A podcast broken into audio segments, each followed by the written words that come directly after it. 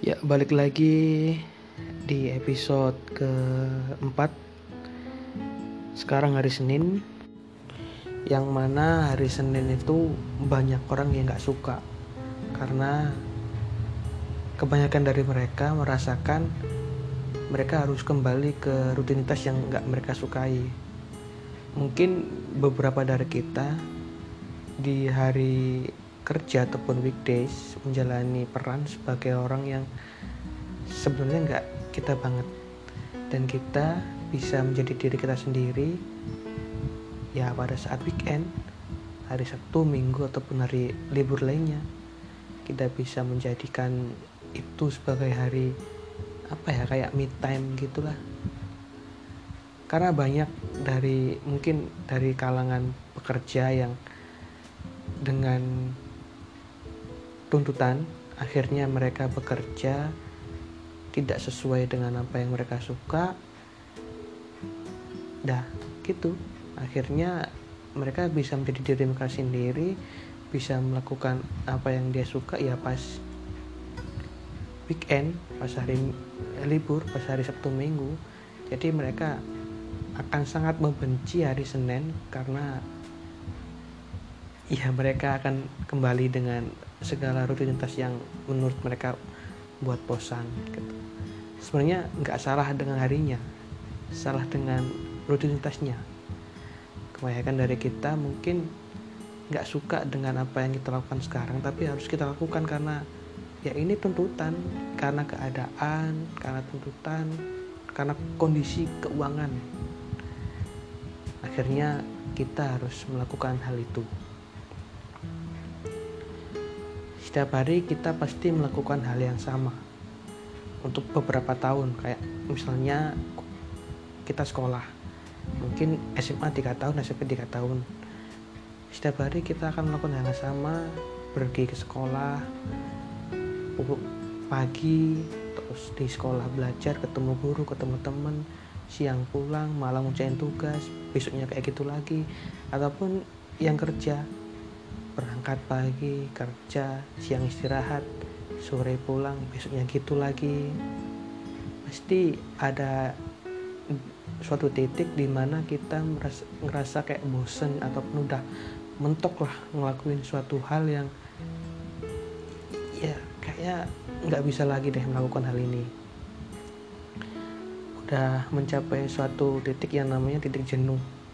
Tapi kita harus ngelakuin hal itu ada juga hal ataupun orang yang bisa dibilang depresi ataupun sedih terus mereka nggak bisa melakukan hal apa-apa lagi. Kayak terus mengurung diri terus berdiam diri di kamar terus merenungin nasibnya. Dari kedua hal tersebut dari orang yang mencapai titik jenuh dan orang yang depresi ada satu solusinya sebenarnya. Mereka butuh orang lain. Mereka butuh rumah mereka butuh teman untuk cerita untuk sharing. Itulah kenapa kita selalu butuh orang lain untuk semua masalah kita. Karena kita makhluk sosial. Kita butuh menceritakan apa yang kita rasakan ke orang lain.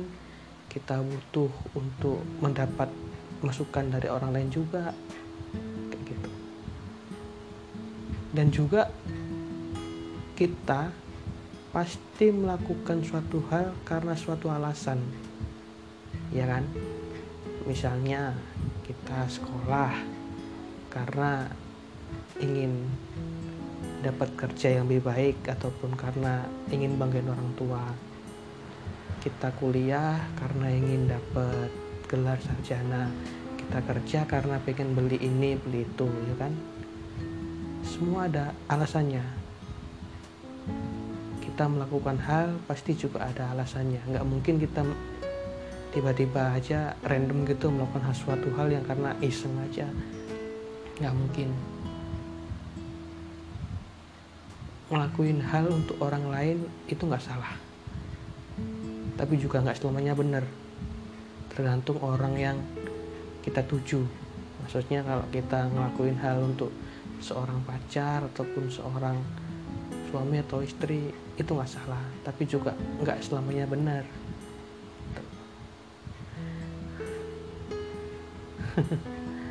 Melebar ke mana-mana ya? Sebenarnya gini intinya aku mau cerita kalau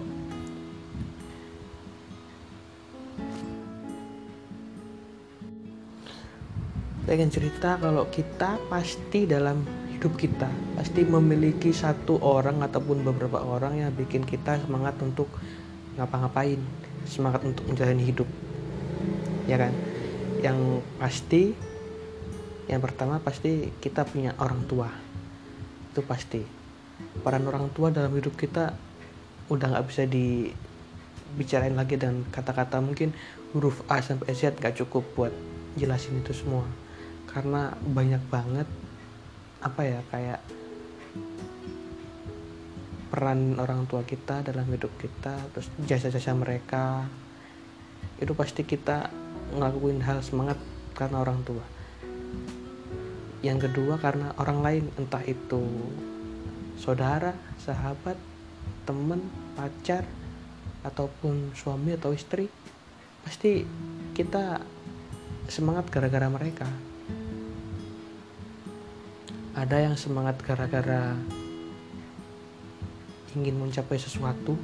Misalnya kayak orang suka. Terus karena hal yang dia suka itu perlu diperjuangin akhirnya dia melakukan hal yang bisa dibilang ia berjuang tapi nggak terlalu kelihatan berjuang untuk mendapatkan hal yang dia incar tadi seseorang yang bikin semangat buat ngapa-ngapain ini seperti bahan bakar buat kita. Jadi di saat kita lagi ngerasa down ngerasa sedih ngerasa nggak punya apa-apa nggak punya daya dan upaya karena kehadiran mereka kita bisa jadi lebih berarti. Kita bisa menganggap dunia ini nggak seburuk apa yang kita pikir sebelumnya terus juga orang yang selalu bikin kita semangat pasti orang yang spesial buat kita. Kalau nggak pacar ya orang tua. Ataupun teman sahabat. Iya itu masing-masing pribadi punya itulah.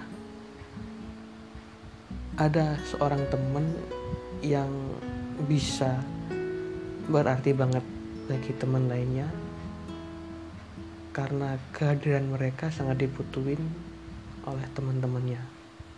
Oleh temennya maksudnya. Itu kayak sebuah nilai gitu. Jadi orang bikin kita semangat selalu punya nilai lebih di hidup kita. Dan mereka juga memiliki peran di hidup kita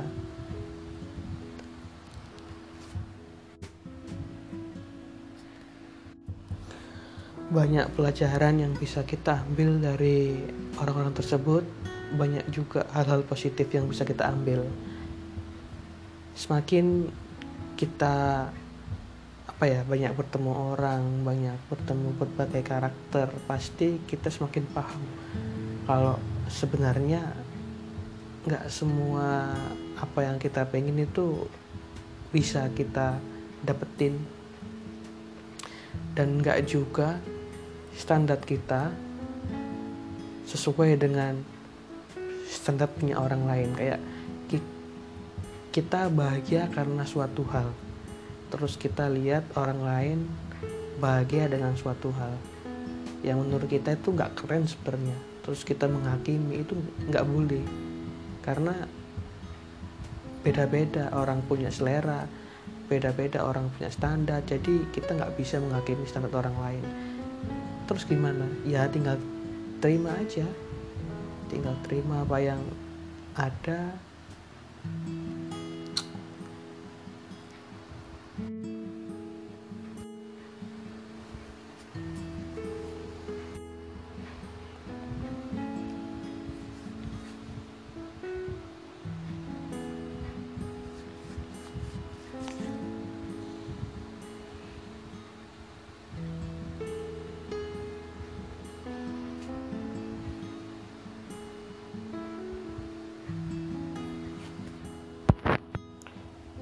lingkungan juga yang bikin kita terbentuk.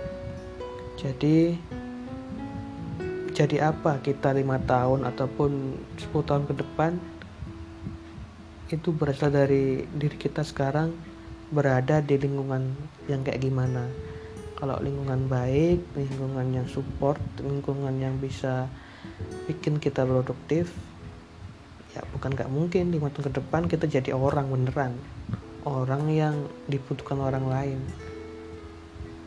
Kalau lingkungan kita sekarang ya kayak gini-gini aja membawa ke hal yang nggak baik.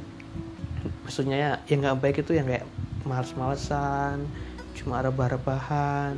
Ya itu mungkin lima tahun ke depan kita cuma jadi akan ya gini-gini aja gitu nggak ada perkembangan apa pun. Jadi untuk kalian yang mungkin dengerin ataupun kayaknya juga nggak ada yang bakal dengerin ini. Khususnya untuk saya maksimalkanlah lingkunganmu sekarang uh, pilih yang terbaik dalam lingkunganmu apa yang buruk jangan diambil apa apa yang baik ambil semua kalau ada hal yang nggak kamu suka ya udah tinggalin lingkungan itu mungkin ini episode paling nggak jelas dari seluruh episodeku karena memang lagi pengen aja lagi pengen ngobrol. Kita langsung ngerekam tanpa ada persiapan. Jadi mohon maaf untuk kalian yang dengar sampai sini mohon maaf kalau sejak awal tadi nggak ada tema yang jelas ataupun bahasan yang spesifik seperti yang lain-lain.